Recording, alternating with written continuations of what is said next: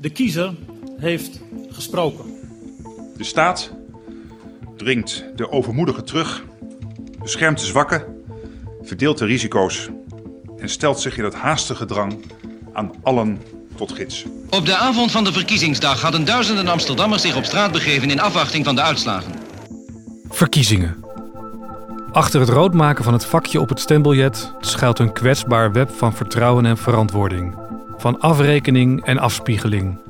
Welkom bij Stemmen, een verkiezingspodcast zonder analyses van het premiersdebat of speculaties over exit polls, maar met een blik op het politieke systeem en de machtsverhoudingen daarachter. Een productie van de correspondent in samenwerking met het politicologische blog Stuk Rood Vlees. Gepresenteerd door Armen Hakverdian, politicoloog verbonden aan de Universiteit van Amsterdam. Vandaag gaan we het in stemmen hebben over de uitslag van de verkiezingen. We kijken terug op de campagne en alvast vooruit. Wat kunnen we met dit resultaat op basis van een onderzoek zeggen over de politieke toekomst van Nederland? Voor deze uitzending schuift bovendien als speciale co-host ook Rosanne Smits aan, hoofdredacteur van de correspondent. Het is donderdagochtend. Ik zit in de studio met allereerst Rosanne Smits, politicoloog, hoofdredacteur van de correspondent, medemaker van Stemmen. Rosanne, goedemorgen. Goedemorgen. Tom van der Meer, hoogleraar politicologie aan de UvA, medemaker van uh, Stemmen. Tom, goedemorgen. Goedemorgen. En Matthijs Roodduin, universitair docent politicologie aan de UvA. Goedemorgen Matthijs. Goedemorgen. Even kijken, de verkiezingsavond. Laten we het daar eerst over hebben. Ik lag dus op de bank met, met een biertje en wat nootjes. Um, Tom, uh, hoe was jouw avond? Ja, heel enerverend. Ik mocht uh, aanschrijven bij de uitslagenavond van de NOS. En ik stond daar aan een informatiedesk. Met de hulp van heel veel analyses van uh, onder meer Matthijs en Ilko Hartenveld. De verkiezingsavond van de NOS. En jij zat daar aan tafel als een van de duiders. Exact. Dat was nogal wat. Ja, het was heel leuk om te doen en heel leuk om mee te maken. Je had verteld tegen mij dat je dit ging doen. En tot het allerlaatste moment geloofde ik het niet. En toen zag ik je toch ineens heel groot in beeld. Dacht ik, ja, het gaat toch gebeuren. Ja, en het was gewoon heel bijzonder dat volgens mij voor het eerst sinds de jaren negentig, denk ik, dat bij de uitslagenavond de, de onderzoekers, de wetenschappers er echt bij worden betrokken. Toen ik ging studeren had je Rudy Anderweg, uh, um, Galen Irwin, die zag je dan wel eens op tv. Maar nu mochten de politicologen van uh, de huidige generatie aanschuiven. Dus uh, Carolien van Ham was er ook, uh, Loes Aaldering was er. Dat was wel heel bijzonder. Heel leuk. Ja, Matthijs, wat heb jij gedaan? Ik heb vlak naast Tom eigenlijk gezeten en Carolien. En ik heb samen met Eelco hebben we allerlei analyses uitgebreid. En we, zijn, stonden de hele tijd in contact. En ik, ja, ik, vond het, ik vond het, zoals Tom ook al zegt, heel leuk om te zien dat op zo'n uitslagenavond uh, de Nederlander echt een hele grote bak politicologie over zich uitgestort heeft gekregen. En daar was ik, uh, ja, als politicoloog was ik daar erg blij mee. Rosanne, hoe was jouw verkiezingsavond? Nou, ik zat ook op de bank um, naar jullie onder andere te kijken. Ik ben heel blij dat ik hier nu met jullie zit, want volgens mij hebben we nog wel wat inzichten nodig vanuit de politicologie om deze uitslag beter te kunnen begrijpen. Want hoe is het mogelijk dat in een coronacrisis, we hebben te maken met een wooncrisis, een stikstofcrisis. Uh, we zitten midden in een pandemie. Tijdens de verkiezingen werden de procedures voor briefstemmen nog aangepast. Hoe is het mogelijk dat we vrolijk verder gaan naar een Rutte 4? Hebben we hier te maken met een same old, same old? Of zijn er daadwerkelijk verschuivingen gaande die uh, we hier betekenis kunnen geven met elkaar? Dat is de grote hamvraag. Ja, hopelijk hebben we daar antwoord op. Ik moet wel zeggen, iedere keer bij zo'n verkiezingsavond dan heb ik, ik weet niet hoe het bij jullie zit, dan heb ik een overload van allerlei prikkels en allerlei gegevens en data die binnenkomen. Ik probeer te kijken of ik dat begrijp, uh, wat er is gebeurd. Maar natuurlijk ook te leren. Er kunnen ook onverwachte dingen gebeuren, een trendbreuk met het verleden. Uh, laten we even beginnen met wat Rosanne net zei. Waarom hebben de kiezers Rutte niet ter verantwoording geroepen? Of het kabinet ter verantwoording geroepen? Dus als je nadenkt over waarom kiezers uiteindelijk gaan stemmen, een van de redenen zou kunnen zijn belonen of straffen van politici. Daar hebben we natuurlijk in aflevering 1 uitgebreid over gehad. Maar dan kijk ik naar bijvoorbeeld Pieter Omtzigt en het CDA, een van de grote verliezers.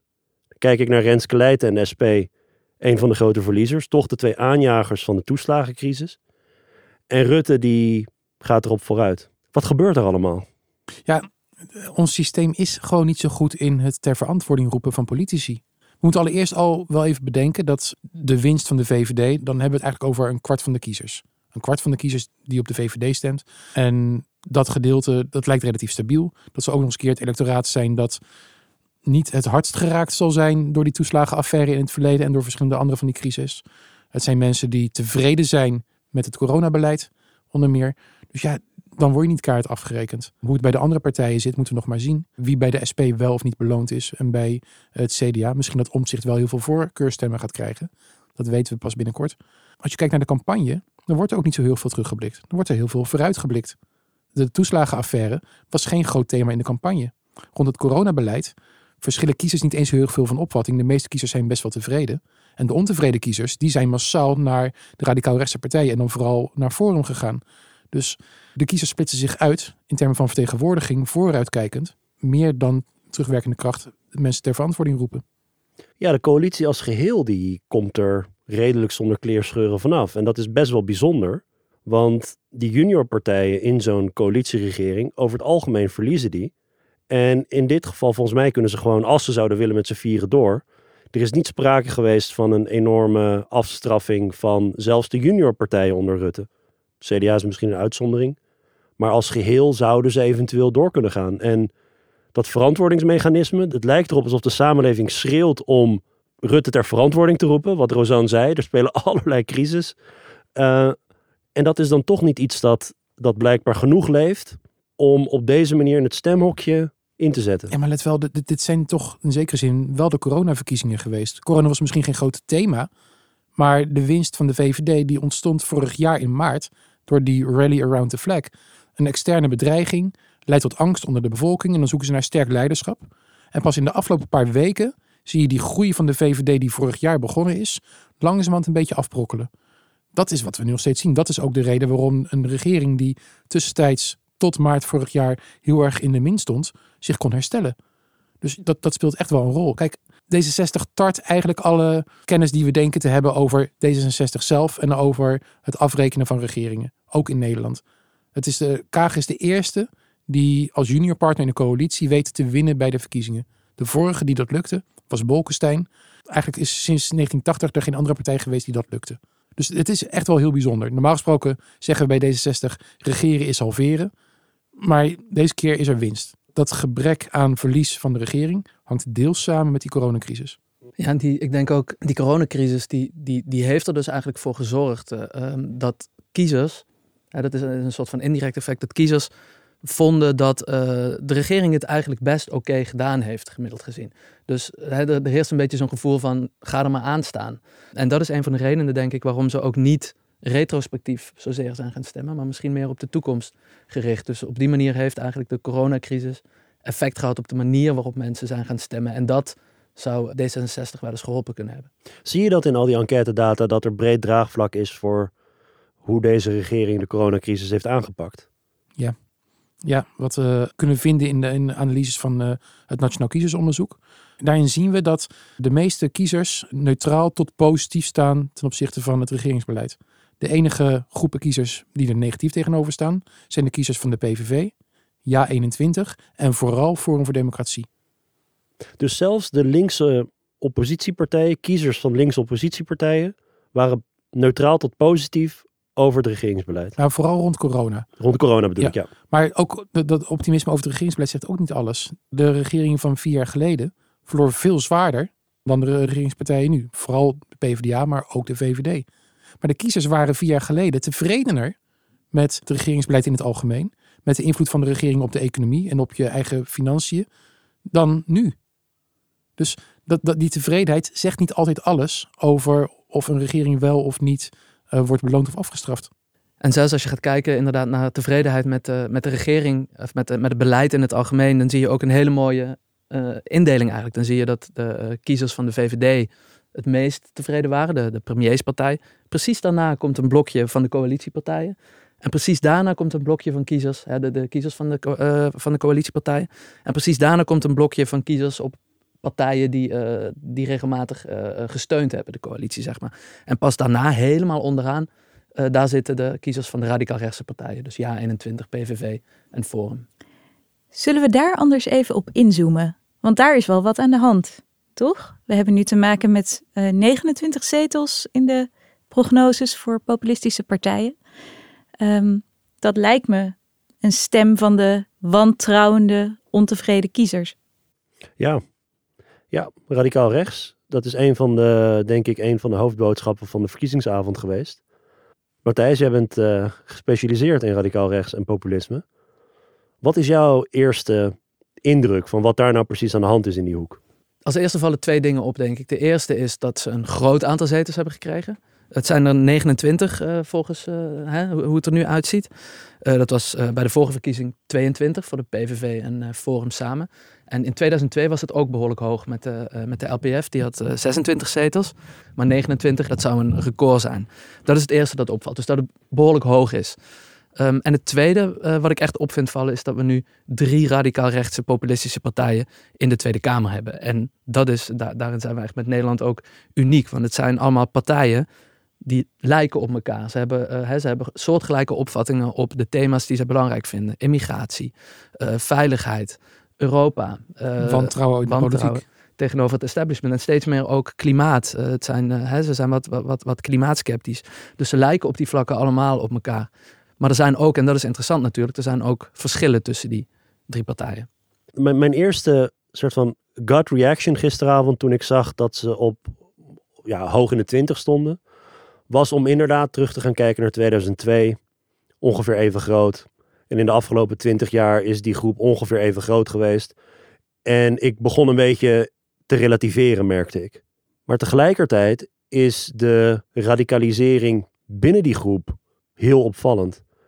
Dus met name het forum, wat voor Kamerleden we straks krijgen daarbinnen, dat is toch wel echt een stap verder dan waar de LPF mee aankwam. Ja, zeker. Forum heeft denk ik ook een, een, nieuwe groep kiezers aangeboord. Het zijn niet alleen maar de traditionele radicaal rechtstemmers. Het zijn ook de mensen die wat sceptischer zijn over corona. Mensen die ontevreden zijn met, de, met het beleid, met de kabinetsmaatregelen. en op die manier denk ik dat als je gaat kijken naar radicaal rechts in zijn geheel, dat door Forum met name, dat zij zich op die kiezers aan gericht. Misschien ook met jaar 21 die zich wat op de economisch rechtse kiezer is gaan richten. Dat ze die groep groter hebben kunnen maken. Die groep van kiezers op radicaal rechts. En dat is natuurlijk wel opvallend in een tijd uh, waarin het niet heel veel over immigratie gaat. Wat mij ook heel erg opvalt aan de uitslag van gisteravond en, en de kiezerstromen die eronder zitten, is als je iets verder uitzoomt. Vroeger hadden we in Nederland twee grote blokken van kiezers. Een linkerblok, PvdA, SP, GroenLinks, Partij voor de Dieren en een rechterblok met CDA, uh, VVD, PVV, Forum.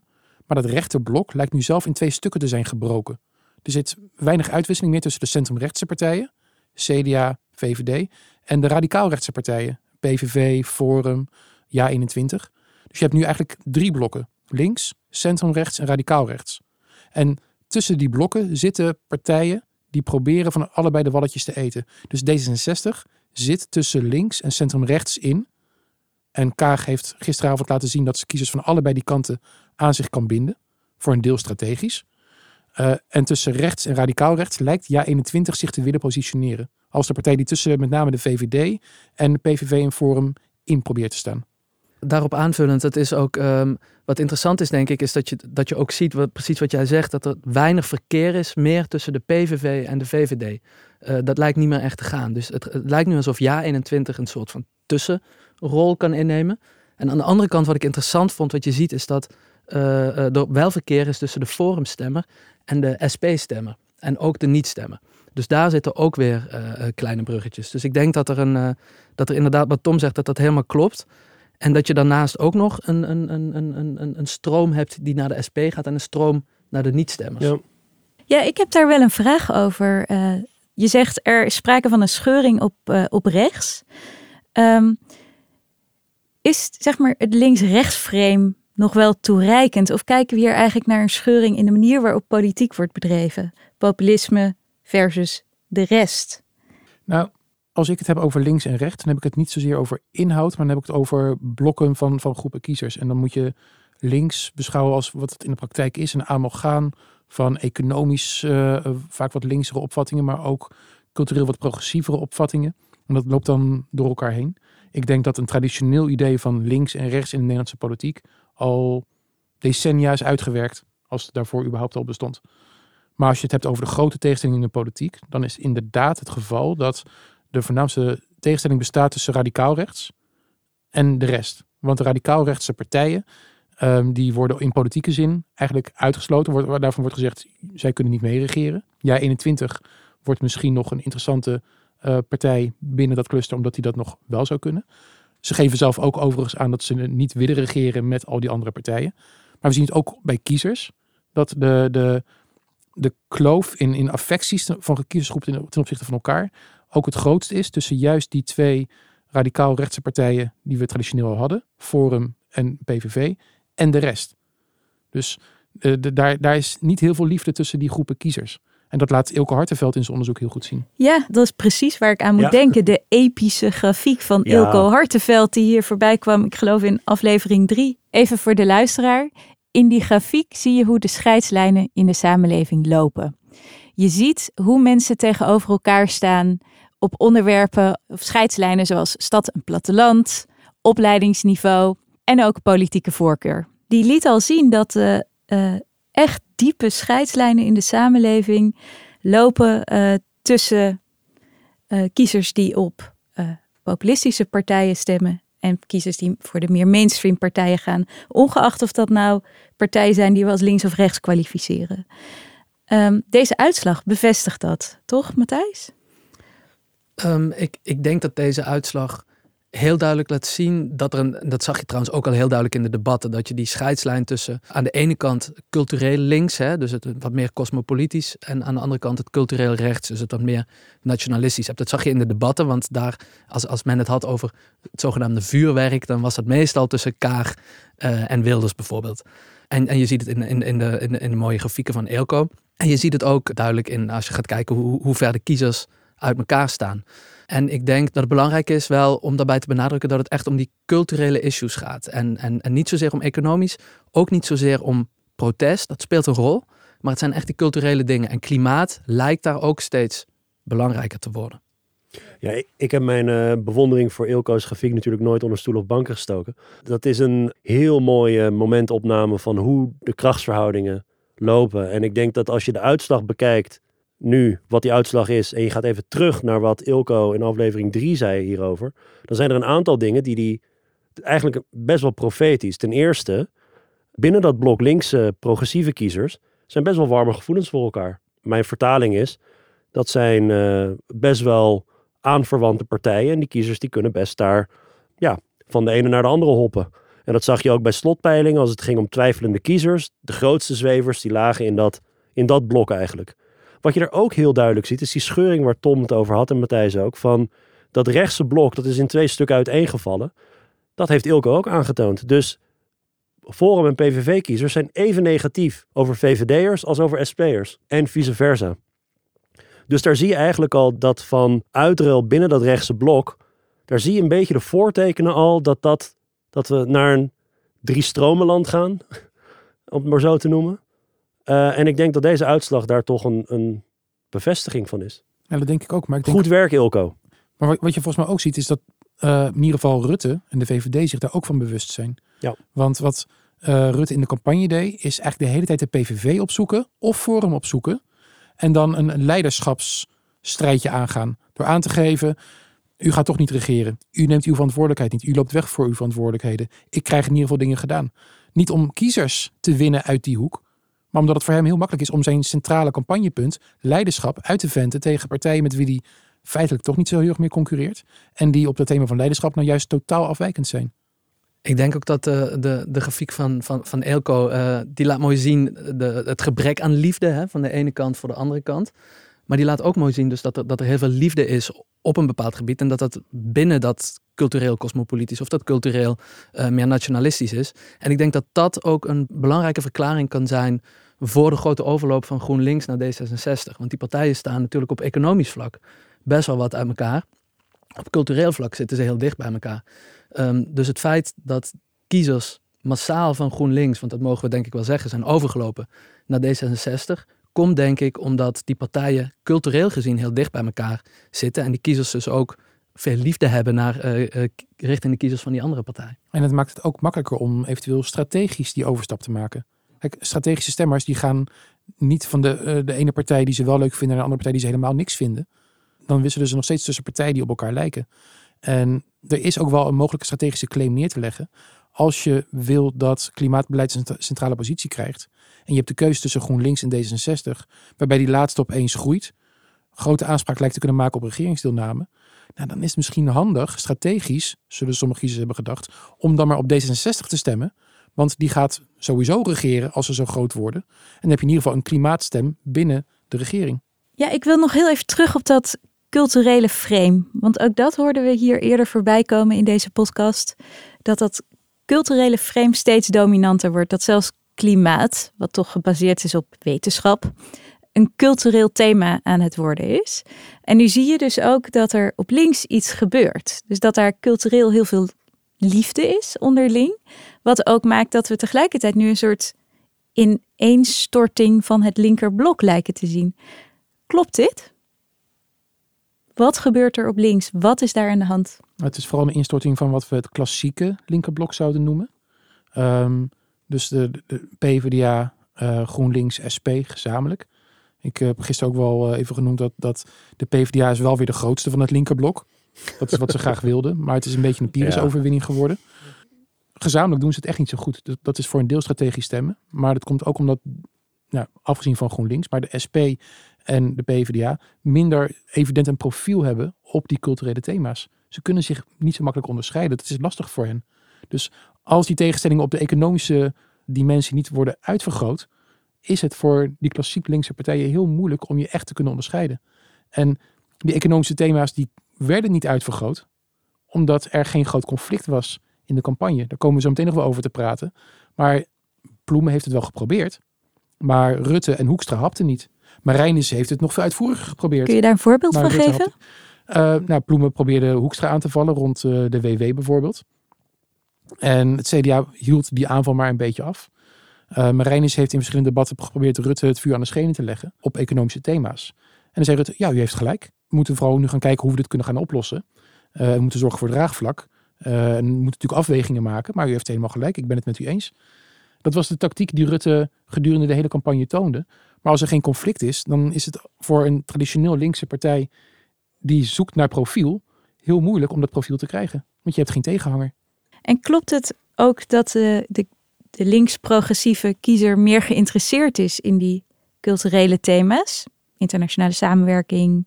Nou, ik denk wat, een, uh, wat met name een groot probleem is voor de linkse kiezer nu, en voor de linkse partijen, uh, en dat is dat klimaat een heel, uh, heel kleine rol gespeeld lijkt te hebben. Dus als we gaan, gaan, gaan kijken hè, naar het uh, gebrek aan succes voor links. Ik denk dat dat, dat voor een deel het, het succes van D66 is. Maar dat dat voor een heel groot deel ook aan, aan, aan de individuele drie of vier individuele partijen ligt. Dus voor GroenLinks speelde heel erg dat het thema klimaat voor de kiezer blijkbaar niet echt een doorslaggevend issue is geweest tijdens de verkiezingen. Ik denk dat dat heel nadelig is. Ik vind dat echt onbegrijpelijk. Mag ik daarop aanhaken? Want je zou kunnen zeggen, klimaat was misschien belangrijk onder die hoek. Maar GroenLinks was niet onderscheidend genoeg ten opzichte van Partij voor de Dieren of ten opzichte van D66.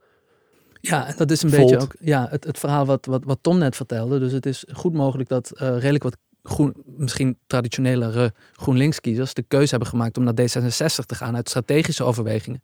Omdat ze dachten, uh, vanwege klimaat gebeurt er dan misschien wel iets op dat vlak. Maar ik denk dat het belangrijk is om ook, als je gaat kijken naar de andere partijen, dus de PvdA en de SP, ik denk dat het belangrijk is om daar ook bij aan te tekenen. Dat zijn partijen die een heel oude achterban hebben. En ik denk dat zowel de PvdA als de SP er, er nog niet goed in slagen om issues die jongeren belangrijk vinden, om die op de agenda te zetten. Ze benadrukken economische thema's en dat snap ik ook. Maar ik denk dat om hun partij levend te houden, dat zij ook echt, uh, wat jij ook zei, die culturele issues toch meer zullen moeten gaan benadrukken om op de langere termijn te kunnen overleven en die jongeren aan zich te gaan binden. Want wat zijn de thema's die de jongeren bezighouden op dit moment? Nou, dat zijn uh, zaken zoals klimaat. Uh, dat, dat zijn die, die, die, die thema's zoals uh, racisme, discriminatie. En we weten nu dat bijvoorbeeld klimaat in algemene zin niet een hele belangrijke rol heeft gespeeld bij de verkiezingen. Maar we weten ook dat kiezers dat wel heel belangrijk vinden. En we weten ook dat jongeren met name dat heel belangrijk vinden. Kijk, anderhalf jaar geleden zou iedereen hebben voorspeld uh, dat deze verkiezingen over klimaat zouden gaan. Ook omdat we uh, te maken hadden met, met uh, specifieke crisis hier in Nederland. Omdat partijen zich erop profileerden. Er moest kabinetbeleid komen. er waren duidelijke tegenstellingen. Maar die zijn een beetje verdwenen. Forum voerde geen campagne meer op het thema van klimaat. Dat zien we ook inderdaad in, in de stellingnames van, van kiezers ten opzichte van Forum. Klimaat is dus een beetje weg, want er was geen tegenhanger meer. En dat maakt uit. Zelfs de VVD, ja, heel veel pijlen waren gericht op de VVD, dus daarom kom ik er ook in die campagne elke keer op terug. Maar zelfs de VVD zei, nee, we moeten die klimaatdoelen halen. Dat uit de doorrekeningen dan vervolgens zou blijken dat ze dat niet gaan halen met hun plan. Dat werd eigenlijk een beetje uh, ja, onder, onder de tafel geschoven. Dat, dat, dat kreeg niet heel veel aandacht. Want er werd gezegd, ik ben het met u eens. En nu moeten we het gaan bereiken. In plaats van, ik ben het met u oneens. Want ik vind dat we minder moeten doen. Mag ik nog even iets vragen over de SP? Want gisteravond op tv zei je iets heel interessants over die kiezersstromen. Dat gaat natuurlijk niet alleen maar naar welke andere partij ga je, maar ook ga je überhaupt stemmen of niet. En bij de SP zei je toen van dat dus de SP er minder goed in slaagde om de eigen achterban vast te houden. Dus met andere woorden, SP'ers uit 2017 waren relatief afwezig. Ja, klopt. Meer dan bij andere partijen. Meer dan bij ehm, andere partijen. En bij de SP speelt dat uh, een extra grote rol, denk ik. Omdat die partij profileert zich natuurlijk ook als een partij van de straat. Als een uh, protestpartij. Soms doen ze dat iets meer, soms doen ze dat iets minder. Maar ik denk dat zij er ook minder goed in zijn geslaagd om die wat ontevredener kiezer naar de stembus te trekken. Misschien ook doordat de campagne online was. En ja, ze zijn dus veel. de SP is ook veel stemmers verloren aan überhaupt. Dus die niet zijn gaan stemmen. Maar ook aan D66. Wat wel een interessante kiezersstroom is. Nog een laatste vraag. Onder politicologen wordt vaak ook gezegd: verkiezingen, dat is eigenlijk gewoon één grote bak data. Um, jullie hebben nu weer een nieuwe bak data. Welke patronen, welk type onderzoek uh, gaan jullie hierop loslaten? Ik ben heel benieuwd. Uh, mijn, mijn thema is populisme, radicaal rechts. Dus ik ben heel benieuwd wat er gebeurt in die radicaal rechtse hoek. Hoe die uh, verschillende partijen zich tot elkaar verhouden, hoe die kiezers zich tot elkaar verhouden en ook hoe die kiezerstromen zijn. Uh, en, hoe, en hoe die veranderen over de tijd. Uh, en ik geloof dat met, met, met deze verkiezingen en met de data die we inmiddels hebben verzameld vanaf ja, eigenlijk in de afgelopen twintig jaar bijna, maar in ieder geval de afgelopen tien jaar, kun je hele interessante dingen onderzoeken, omdat we paneldata hebben. Dat betekent dat je individuen bent gaan volgen over de tijd. En dat je echt kan gaan kijken wat bepaalde kiezers gedaan hebben over de tijd. Waar ze eerst op stemden, waar ze later op stemden. Of ze weer terug zijn gegaan naar een partij. En dat soort kiezerstromen, daar ben ik wel echt heel benieuwd naar. En ik ben heel erg benieuwd naar de wisselwerking tussen partijen en kiezers. Uh, ben ik ook zo geïnteresseerd in die kiezersblokken en die kiezersstromen. Um, maar waar ik de komende tijd naar wil kijken is uh, welke conflicten politieke partijen hebben uitgekozen om aan te gaan met elkaar. En hoe zich dat verhoudt tot waar kiezers aan denken bij die conflicten. Aan welke partijen zij denken. Dat, dat noemen we het, het issue eigenaarschap. Uh, wie is eigenaar van het thema veiligheid? Dus aan welke partij denken kiezers het eerst als, uh, als je het hebt over veiligheid? En hoe gaan partijen daar strategisch of juist onwijs onstrategisch mee om? Nou, wat, wat ik de afgelopen jaren erg interessant vind, is eigenlijk in hoeverre democratische normen en waarden verankerd zijn in de kiezer. Dus als je kijkt naar verschillende opvattingen over wat een democratie is, uh, hoe denken mensen over de rechtsstaat, over bescherming van minderheidsrechten, vrijheid van religie, vrijheid van meningsuiting. In hoeverre zijn die normen en waarden nog verankerd, ook in verschillende generaties, uh, bij verschillende partijen? Wat voor soort democratie denken mensen aan? Uh, um, en ik ben me daar meer zorgen om gaan maken in de afgelopen tijd. Ook vanwege de internationale context. Dat je in allerlei landen om je heen toch ziet dat wat we onmogelijk achten, toch aan het gebeuren is. Namelijk afkalving van democratische normen en waarden. En ik vraag me af in hoeverre dat in Nederland ook aan de orde is. Het is niet het meest optimistische onderzoek, denk ik. Maar het is uh, wel ja, op dit moment iets wat, waar ik s'nachts soms om wakker lig. In die zin is de opkomst misschien ook nog interessant om te noemen, want die is hoog. Ja. Normaal gezien duidt dat op een groot vertrouwen in de democratie. Maar tegelijkertijd van die kiezers die zijn komen opdagen, stemt toch een groot deel op partijen waarvan je zou kunnen zeggen dat die het in ieder geval op een andere manier kijken naar de democratische rechtsstaat zoals dan zoals jij nu omschrijft. Ja, de, de opkomst is, is massaal en die is in Nederland ook uh, internationaal gezien erg hoog. Dus Tweede Kamerverkiezingen zijn echt een, een moment waar kiezers massaal participeren.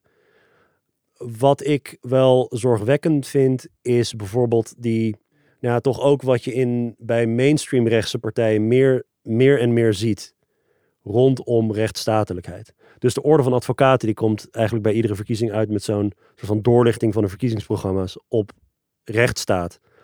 En de VVD komt daar niet lekker uit, om het zacht te noemen. Dus het gaat niet alleen maar om die groep radicaal rechts. Het gaat ook om het indirecte effect dat die groep radicaal rechts heeft op het gedachtegoed van mainstream rechtse partijen. Ja. En ik vind dat, ehm, om heel eerlijk te zijn, doodeng. Wat ook interessant is daar, je ziet eh, een soort meetrekkende beweging van radicaal rechts. Want doordat radicaal rechts, eh, die, die zijn eigenlijk wat radicaler geworden. Met name met eh Thierry Baudet nou. Ook Wilders ten opzichte van Fortuyn was alweer een stukje radicaler. En je ziet telkens weer dat ook eh, mainstream rechts, met name de eh, VVD, dat die eh, iedere keer weer flirten met de kiezers van die partijen. En op het moment dat die partijen steeds wat opschuiven, lijkt het erop dat de, de ma- mainstream rechts ook telkens weer een klein beetje verder gaat. En dan krijg je dus inderdaad dat de programma's van eh, mainstream rechtse partijen ja, vaker spanningen vertonen met de rechtsstaat eigenlijk. Ja, wat de grootste verschuiving hierop lijkt te zijn, is dat, ehm, dat, dat, dat we zien dat er minder acceptatie is van tegenmachten. Eh, dat, dat zie je natuurlijk het sterkst bij de radicaal rechtse partijen, maar dat zie je ook bijvoorbeeld bij de gematigd rechtse partijen. Ehm, en dan moet je denken aan tegenmacht in de democratie, zoals Pierre Rosanvallon, de Franse filosoof, heeft beschreven. Dat democratie draait niet alleen om de uitvoering van de macht door de meerderheid, maar ook om controle van die macht. Eh, dualisme in het parlement, eh, adviescolleges, een, een onafhankelijke rechtspraak, eventueel referenda, die blokkades kunnen opwerpen tegen de absolute macht van een democratisch gekozen meerderheid. En daar zit denk ik de grootste verschuiving en daarmee ook de grootste bedreiging. Inmiddels aangeschoven bij ons Loes Aaldering. Matthijs, die is er vandoor. Ehm Loes, eh, universitair docent aan de Vrije Universiteit. Welkom. Dankjewel. Ik zag jou gisteravond ook bij de NOS. Ja, klopt. Heel spannend. Heel spannend. En eh, als ik er iets persoonlijks aan mag toevoegen, ook heel bijzonder, omdat ik in een ver verleden niet één, maar twee masterscripties van jou heb begeleid. Ja, dat klopt. En ineens was je daar op tv, was je aan het, aan het duiden voor het hele land. Ja, mensen groeien op. Ik was echt super trots. Ah, wat leuk om te horen. Dankjewel. Oké, even eh, door naar je onderzoek. Loes, jij hebt eh, best wel uitvoerig onderzoek gedaan naar de mediaberichtgeving en ook media-aandacht. Van wie krijgt er nou aandacht en waarom? Zeker. Ja, eh, in mijn vorig onderzoek heb ik veel gekeken naar überhaupt gemediatiseerde leiderschapseffecten, zoals we dat noemen. Dus hoe berichten media over politici en hoe heeft dat weer invloed op kiezers? En dan zien we dat een aantal leiderschapskenmerken belangrijk zijn, zoals integriteit, zoals bekwaamheid, sterk leiderschap, weten wat er speelt in de samenleving, dat soort dingen. En ook deze campagne zijn we met het VU verkiezingsonderzoek, een groot project eh, met collega's van de VU, hebben we gekeken naar mediaberichtgeving over politici, maar ook over partijen. En ook overigens naar hun eigen sociale mediaactiviteiten. Even heel kort hoor, over, die, eh, over dat onderzoek, hoe dat in elkaar zit. Want hoe meet je media-aandacht? Wat we, nu, wat we nu hebben gedaan, want we hebben inderdaad, we zijn nog niet toegekomen aan het analyseren van hoe worden lijsttrekkers besproken of politici besproken deze campagne. Dat staat nog, eh, dat staat nog op de planning. Maar we hebben inderdaad tot nu toe gekeken naar eh, zichtbaarheid in de media. En in dit onderzoek waar jij aan refereert, wat ik ook op Stuk Rood Vlees eh, een blog over heb geschreven, waar we kijken naar de ehm, eh, verschillen tussen media-aandacht voor mannelijke en vrouwelijke lijsttrekkers, hebben we zowel in kranten, alle nationale kranten, als televisieprogramma's, talkshows en NOS en Nu.nl geteld hoe vaak worden mensen genoemd of hoe vaak zijn ze in de uitzending. Dus dit is, dit is een relatief simpele analyse van hoe vaak wordt er aandacht besteed aan verschillende politici. Ja, die, die campagne, dat was, dat was een heel bijzondere campagne natuurlijk, omdat alles door de filter van media en sociale media moest nu tijdens de pandemie. En ik had ook wel het idee dat het vanuit media-oogpunt een heel saaie campagne was. Ik bedoel, mensen beklaagden zich over een gebrek aan vuurwerk. Er moesten boze burgers bij komen om de premier wat zweet op zijn bovenlip te bezorgen. Ehm, was dit de saaiste campagne ooit? Nou, saai lijkt me niet het, het, het, het, juiste woord. Ik vond het een hele inhoudelijke campagne. En er, gingen, er gingen heel veel inhoudelijke thema's besproken worden. Eh, ik vond het Radio 1-debat een van de hoogtepunten. Ik vond het slotdebat opvallend goed. Ehm, de, de één op één debatten eh, bij, eh, bij Pauw. Die leefden echt wel inhoudelijke kennis op. Er stonden vaker partijen tegenover elkaar die ook echt daadwerkelijk concurreren om dezelfde kiezer. Dus qua inhoud was ik eigenlijk best onder de indruk van de campagne. Alleen wat ontbrak deze campagne was grote inhoudelijke tegenstellingen. Ehm, dus er was wel heel veel inhoud, heel veel beleid, maar weinig groot conflict. Het voornaamste conflict dat, dat werd aangegaan uh, was conflict om leiderschap. Dus als er dan eens keer vuurwerk was, dan was het inderdaad vuurwerk van Rutte tegen Wilders, Rutte tegen Baudet, uh, Rutte tegen Hoekstra, maar allemaal rond dat thema van leiderschap. Veel meer dan dat werd het niet. Maar ik vond het ook niet zo heel erg dat er niet van die fundamentele game changers zijn of horse races die campagne zo spannend zouden maken. Want het is ook niet per se waar verkiezingen om hoeven te gaan. En ik kan me voorstellen dat die media-aandacht afhangt van een aantal andere factoren ook. Ik bedoel, groot in de peilingen of, of ehm, Zeker. Noem maar op. Ja, we hebben berekend dus op basis van hoeveel um, kamerzetels partijen hebben uh, momenteel hè, in de Kamer uh, voor de verkiezingen.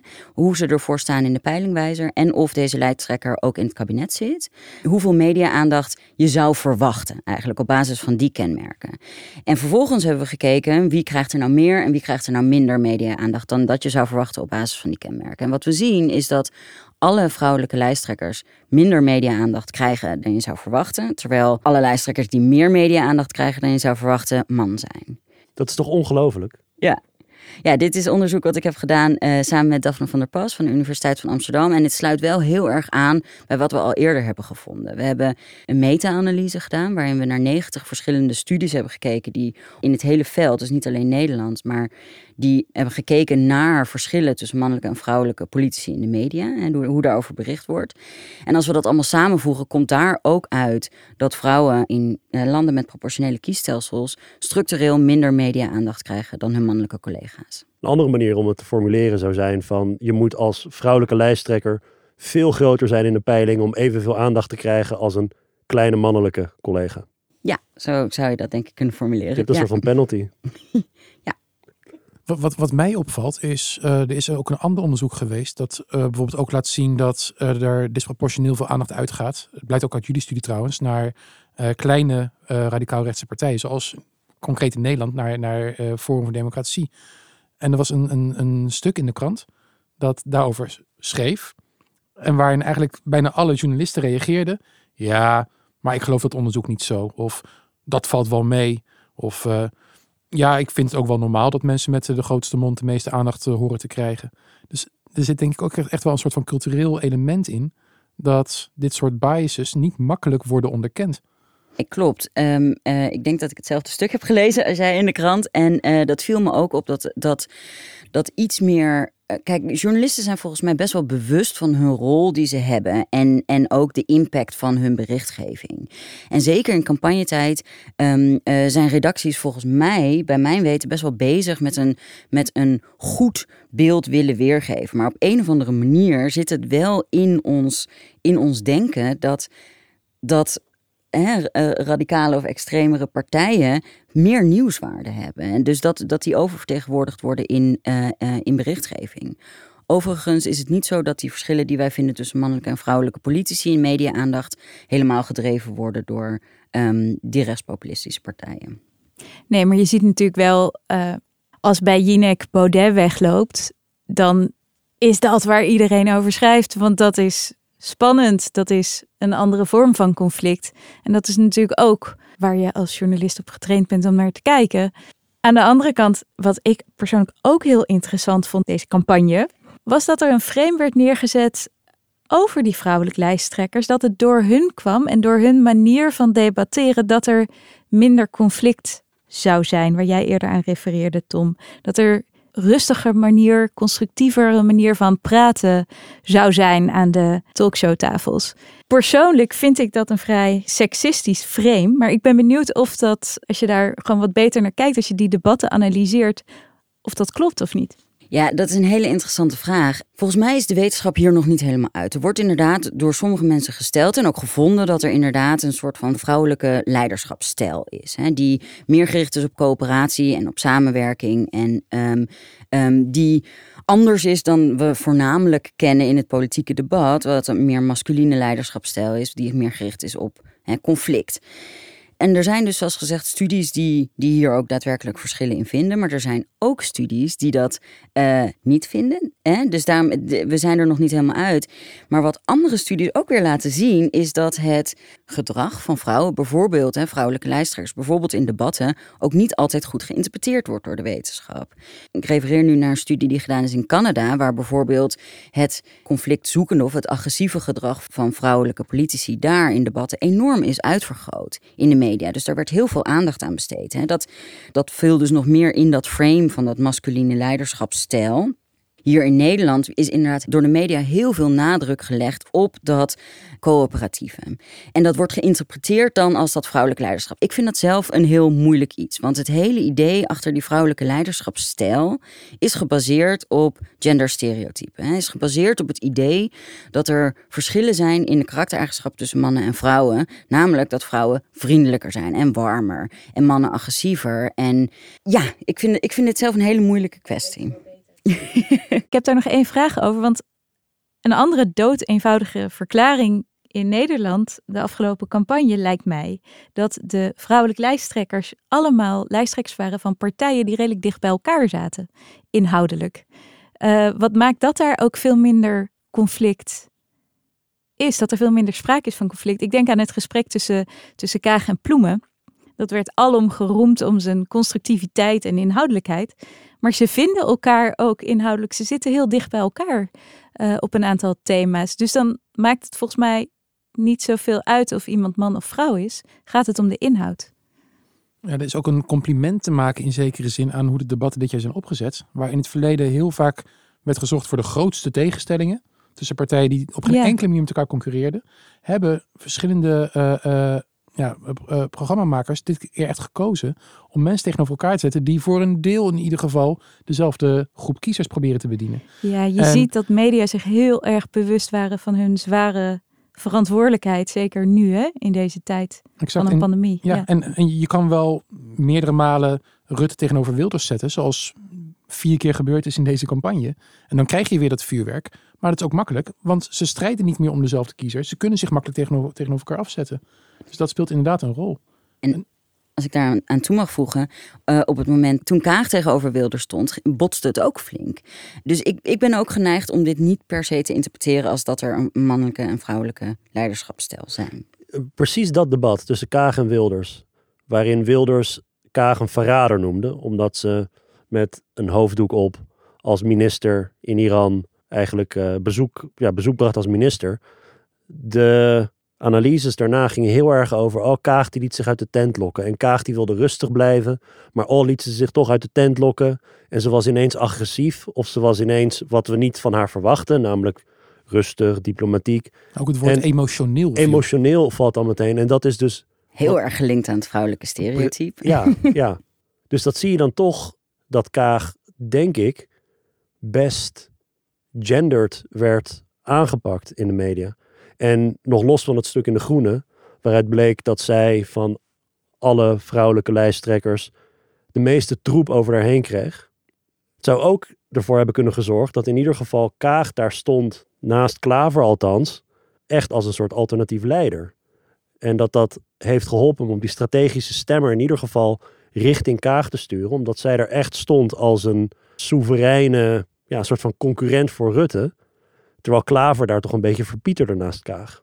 Wat mij heel, erg opviel aan de, de nabespreking van, van dat uh, ja, incident, dat geval met, met verrader, verrader, is vooral als je iemand verrader noemt, dan plaats je iemand buiten het democratische debat. Dan, dan zeg je dat iemand is illegitiem.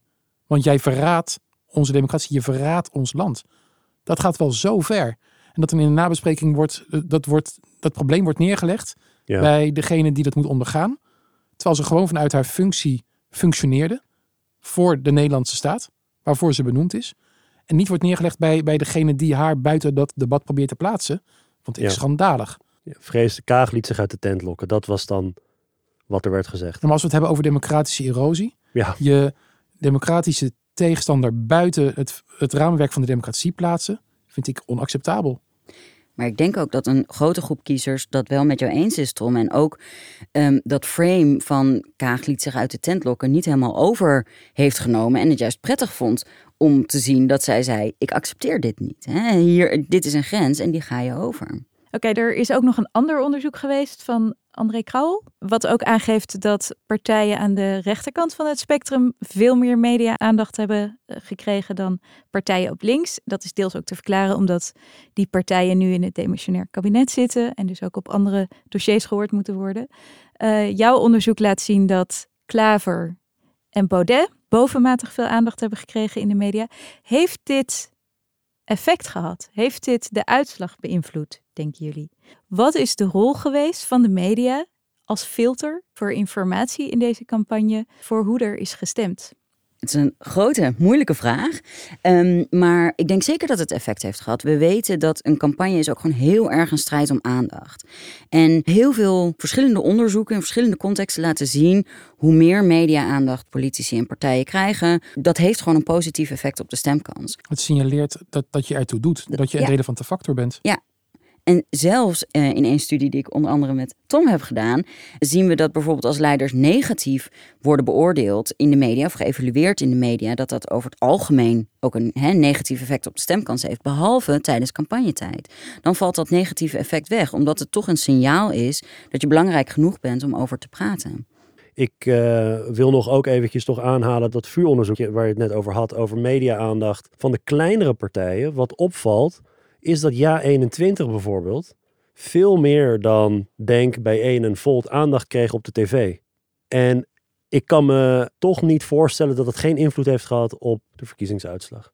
Het is gratis publiciteit, zeker voor nieuwe partijen. Nou, er is een fascinatie in media met radicaal rechts. Als ik kijk naar de interviewverzoeken die ik krijg, uh, ook met, met buitenlandse pers trouwens, uh, dan gaat het heel vaak in Nederland over de radicaal rechtse groep. Terwijl, nou, je noemt het relativerend, ik noem het ja, duidend dat 1 zesde tot max 1 vijfde van de kiezers daar in de praktijk op stemt in Nederland.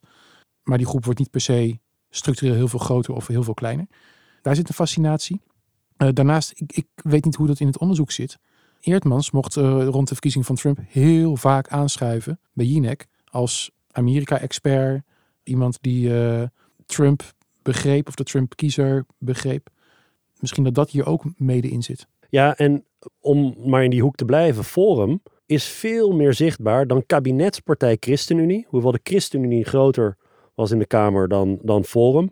Nota bene, terwijl de ChristenUnie dus ook als het gaat om bijvoorbeeld kabinetsdeelname ook niet de lichtste posten heeft. Met iemand als Slop op onderwijs. In een tijd waar onderwijs toch echt wel in het middelpunt van de aandacht staat, krijgt Forum meer aandacht dan ChristenUnie. Dat was vier jaar geleden ook al. Van de kleine partijen kreeg Forum bovenmatig veel aandacht. Toen werd er geklaagd over dat Forum veel meer aandacht kreeg dan, dan de Partij voor de Dieren, die toen zo was doorgegroeid. Ja, dat, dat zien we nu weer. Forum is heel goed in staat om die aandacht te genereren met alle ophefjes. Ik ben wel benieuwd hoe in jullie onderzoek de duiding gisteravond bij Nederland Stemt van eh, de NPO 1 zou plaatsvinden. Dat als er vier keer in Amsterdam wordt gezocht naar waar Thierry Baudet is, maar ze vinden hem niet, dat is neem ik aan ook al media-aandacht in jullie codering. Ja, zeker. Ja. ja. hoe vaker hij genoemd wordt, uh, uh, hoe, hoe, hoe meer aandacht er aan hem besteed exact. wordt. Dus hoe en... vaker hij niet te vinden is, maar wordt gezocht, zeker. hoe meer aandacht. Ja. En je refereerde net al naar het Jinek-incident waar hij bij weg is gelopen. En dat heeft zo ontzettend veel media-aandacht in die laatste dagen gegenereerd. Ik, uh, ik kan me voorstellen dat dat ook nog zeker wel wat, wat doet met kiezers verschillende leden van de correspondenten hebben ook voorafgaand aan dit gesprek hun vragen over de uitslagen uh, met ons gedeeld. En ik heb ze al heel subtiel hier doorheen uh, verweven door dit gesprek. Um, maar één vraag die ook kwam is: wat is de grootste gemiste kans van deze campagne? Hebben jullie daar een antwoord op? Ik hou absoluut niet van het idee van game changers. Um, maar ik denk dat het CDA aan het begin van zijn campagne, of eigenlijk al een paar jaar geleden, een fout heeft gemaakt door niet vol op het orgel te gaan op gemeenschapszin en normen en waarden. Wat een thema is dat de kiezer in het algemeen graag besproken wil zien. Dat kiezers in verband brengen met het CDA. Dat vooral CDA-kiezers graag horen. Maar ze gingen de strijd aan met de VVD op VVD-thema's als veiligheid en economie. Um, en op korte termijn was er één incident die ik wel heel opvallend vond. Uh, dat was in dat RTL-debat, waarin Rutte werd uitgedaagd door iemand die uh, slachtoffer was van de toeslagenaffaire. Werd enorm uitgedaagd. Op een gegeven moment kreeg die mevrouw het laatste woord. Ze kreeg de vraag of Rutte haar vragen had beantwoord. En nog voordat ze kon antwoorden, gegeven haar, haar houding was de kans op een positief antwoord niet heel groot, nam Rutte het woord over en hij praatte de tijd vol zodat zij niet het afsluitende woord kon krijgen. En niemand reageerde daarop. Terwijl dit volgens mij echt iets is van ja, dit is nou in een debat dat gaat over een toeslagenaffaire en over onbedoeld seksisme, was dit denk ik echt een, een, een, moment dat je eruit had kunnen plukken. Dat is misschien het moment dat mij het meest is bijgebleven. Dat zij zei, we zaten als ratten in de val over die toeslagenaffaire. Toen dacht ik, wow. Voor mij persoonlijk denk ik, en daar hebben Tom en ik het in een vorige aflevering over gehad, oppositie in tijden van corona. Ik denk dat het een gemiste kans is geweest. Dat vanaf het begin werd gedaan alsof de coronacrisis een natuurramp was. Met allemaal een gedeeld belang. En met Rutte als de grote kapitein op het schip. In plaats van een diep politieke crisis. Waar je oneenigheid over kan hebben gehad. Je hoeft, het, je hoeft niet de rangen te sluiten achter Rutte. Helemaal niet als linkse oppositie. En dat het oppositiegeluid zeker in het begin alleen kwam van radicaal rechts. En zelfs radicaal rechts stemde buitensporig veel mee met het kabinet. Blijkt Ja. uit Ja. onderzoek. In dat begin wel, Van jullie ja. collega's. ja, klopt, ja. Ja. En Loes? Ik vind het een, een lastige vraag om echt te duiden wat is nou de gemiste kans. Maar wat mij wel opviel tijdens de campagne is dat het, dat het relatief weinig ging over de hele toeslagenaffaire. En voor een deel is dat natuurlijk de, logisch te verklaren, omdat veel partijen in de afgelopen jaren daar hè, mede verantwoordelijk voor, hè, verantwoordelijkheid voor hebben gedragen. Ehm, ehm, maar ook de oppositiepartijen die, die, die nooit in een, in een kabinet met Rutte hebben gezeten, hebben dit niet heel erg als een mega campagnethema eh, naar voren weten te halen. Of in ieder geval niet zoveel als ik had verwacht voor hoe groot het is in mijn optiek. Ja, terwijl de toeslagenaffaire raakt natuurlijk aan, aan de kern van onze democratische rechtsstaat en hoe stabiel die en stevig die kern nog is. Dus dat had inzet moeten zijn van het politieke gesprek, zou je zeggen. Had ik wel verwacht, ja. ja. Ja, wat ik daar buitengewoon ironisch ook aan vind, is dat Rutte nu dus een beetje de kampioen van de sterke overheid speelt. Maar waar je natuurlijk heel erg voor moet waken, is dat je een overheid creëert die burgers vermorzelt. Dus je wil een sterke overheid hebben die een sociaal vangnet kan, kan creëren, burgers bestaanszekerheid kan bieden. Maar als dat een overheid wordt die op zo'n manier omgaat met kwetsbare individuen, dan heb ik liever een kleine overheid. Wat kunnen we de komende tijd verwachten?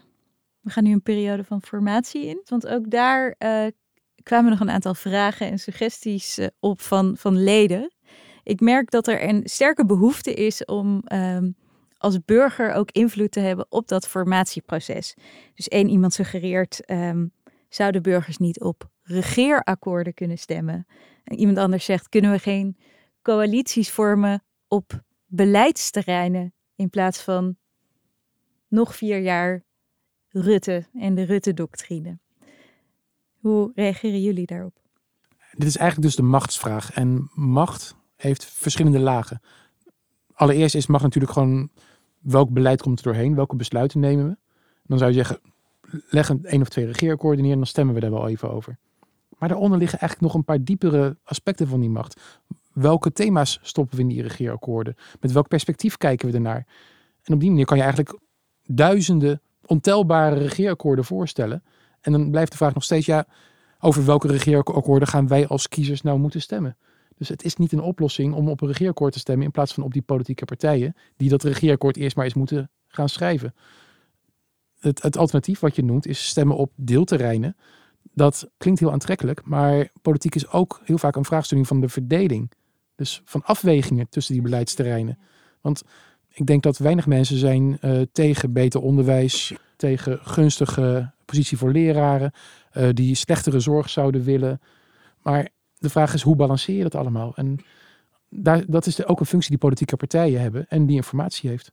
Ja, de machtsvraag is echt heel moeilijk in een proportioneel stelsel als de onze. En we hebben een systeem dat heel goed is om, om uh, te vertegenwoordigen. En allerlei kleine partijen, verversing in het parlement. En vervolgens is de vraag, heb je als kiezer invloed op wie de regering gaat vormen? En dat blijkt een stuk lastiger. Ja, en die regeerakkoorden, die worden dikker en dikker. Dat is een uh, trend, zeker. Tegelijkertijd wordt volgens mij driekwart nooit meer naar omgekeken, want er gebeuren natuurlijk altijd onverwachte dingen uh, in een kabinetsperiode. Is er, is er uitzicht op een regeerakkoord nu eens echt op hoofdlijnen? Nou, kijk, dit, dit gaan we natuurlijk de komende weken nog proberen te ontspinnen in de volgende afleveringen. Die regeerakkoorden worden wel heel serieus genomen. Die partijen zijn echt heel hard bezig om dat voor elkaar te boksen de komende paar jaar. Dus het, het, het is een heel serieus document. Het probleem is eerder dat de machtsstrijd dan achter de schermen wordt uitgevochten en te weinig voor de schermen. Of een, en waarom is dat een probleem? Nou, er komen compromissen uit. En die compromissen die, die, die kunnen vaak nog wel goed zijn. Maar als de kiezer niet snapt waarom dat compromis bereikt is, wat je als linkse kiezer of rechtse kiezer of conservatieve kiezer met dat compromis bereikt, is het ook heel veel moeilijker om daarin mee te gaan. Dus je wil eerst ook zien wat de verschillen zijn en waarom je dan gezamenlijk bij dat uitput uitkomt. Um, dat vergt nogal wat van politieke partijen in het parlement. Namelijk dat ze niet zeggen, uh, wij voeren dit regeerakkoord uit, want wij staan voor onze handtekening. Maar dat ze aangeven, ik wil eigenlijk dit, maar dat compromis helpt ons verder. Of een regeerakkoord op hoofdlijnen er, erin zit. Ik zou het partijen aanraden, want dat stelt ze beter in staat om dat conflict te managen in de politiek. Maar de cultuur is dat we die regeerakkoord inderdaad vaak dik maken. Dat zou ik nu heel onverstandig vinden, want je vindt geen makkelijke meerderheden in de Tweede en de Eerste Kamer. En als je geen meerderheid hebt in de Eerste Kamer, dan moet je alsnog met deelakkoorden of ad hoc meerderheden gaan werken. Dus dan kan je wel met vier partijen of vijf partijen in de Tweede Kamer een heel specifiek regeerakkoord sluiten. Maar dan kom je in de Eerste Kamer alsnog in de problemen, want dan moet je meer half openbreken. Dus doe dat nou niet. Doe het op hoofdlijnen. Of het gaat gebeuren, dat weet ik niet. Nee, Nederland heeft er geen cultuur uh, voor, uh, voor uh, die, die onzekerheid, denk ik. Die dichtgetikte regeerakkoorden zijn ook een uiting van een soort wil om, om zekerheid. Meerderheid in de Tweede Kamer, meerderheid in de Eerste Kamer. Er wordt bijna nooit gepraat over minderheidsregeringen. Terwijl Rutte toch, dus die iets heeft laten zien de afgelopen, nou, pak een beetje elf jaar, poeh, elf jaar al, is dat hij toch die deelakkoorden ook best kan sluiten in voorgaande regeringsperiodes. Nou, sterker nog, van de afgelopen elf jaar waren er maar twee jaren waarin die echt overtuigend een meerderheidsregering had. Ja. Dat waren de eerste twee jaar van Rutte 3. En dan kan je nog zeggen, oké, dan Rutte 1 was eigenlijk een meerderheidsregering waarbij de PVV geen ministers leverde. Maar alle andere jaren hebben ze nooit een meerderheid gehad in ofwel de Eerste Kamer of Eerste en Tweede Kamer. Of moest hij met deelakkoorden werken? Moest er een ad hoc akkoord gesloten worden? Het Lenteakkoord, of door de tegenstanders het Koendersakkoord genoemd. Het, we, we functioneren de facto al heel vaak als een minderheidsregering. Dus ja, ga er maar alsjeblieft van tevoren vanuit. Dan kan je ook uh, je samenwerking erop afstemmen. Ja, de staatscommissie eh, Remkes, waar Tom ook uh, lid van was, heeft een heel spannend uh, voorstel gedaan om dus de kiezer directe invloed te geven op de machtsvorming. Maar misschien moeten we dat als cliffhanger laten tot onze volgende aflevering. Ja, want de volgende aflevering die gaat over. Die gaat over de formatie. Die gaat over wat er gebeurt met je stem. Ik kijk er naar uit. Ik ook. Ik ook. Er is werk aan de winkel voor ons. Goed, Loes, heel erg bedankt. Tom, heel erg bedankt. Rosanne, heel erg bedankt. En natuurlijk ook Matthijs. Heel erg bedankt. En tot de volgende keer. Bij Stemmen. Een verkiezingspodcast zonder peilingen. Stemmen wordt gemaakt door Armen Hakverdian, Tom van der Meer, Rosanne Smits, Anna Vossers en door mij, Jacob Brantel. Redactioneel ontwerp Leon de Kort en Luca van Diepen. Development Helene Emanuel. Productie Edivania Lopez Duarte. Ook deze podcast wordt mede mogelijk gemaakt door de steun van onze leden. Ben je al lid? Kijk dan ook eens op het platform. Daar vind je achtergrondartikelen en infographics rond de podcast. Heb je met plezier geluisterd en ben je nog geen lid? Ga dan naar decorrespondent.nl slash word lid. Heel veel dank.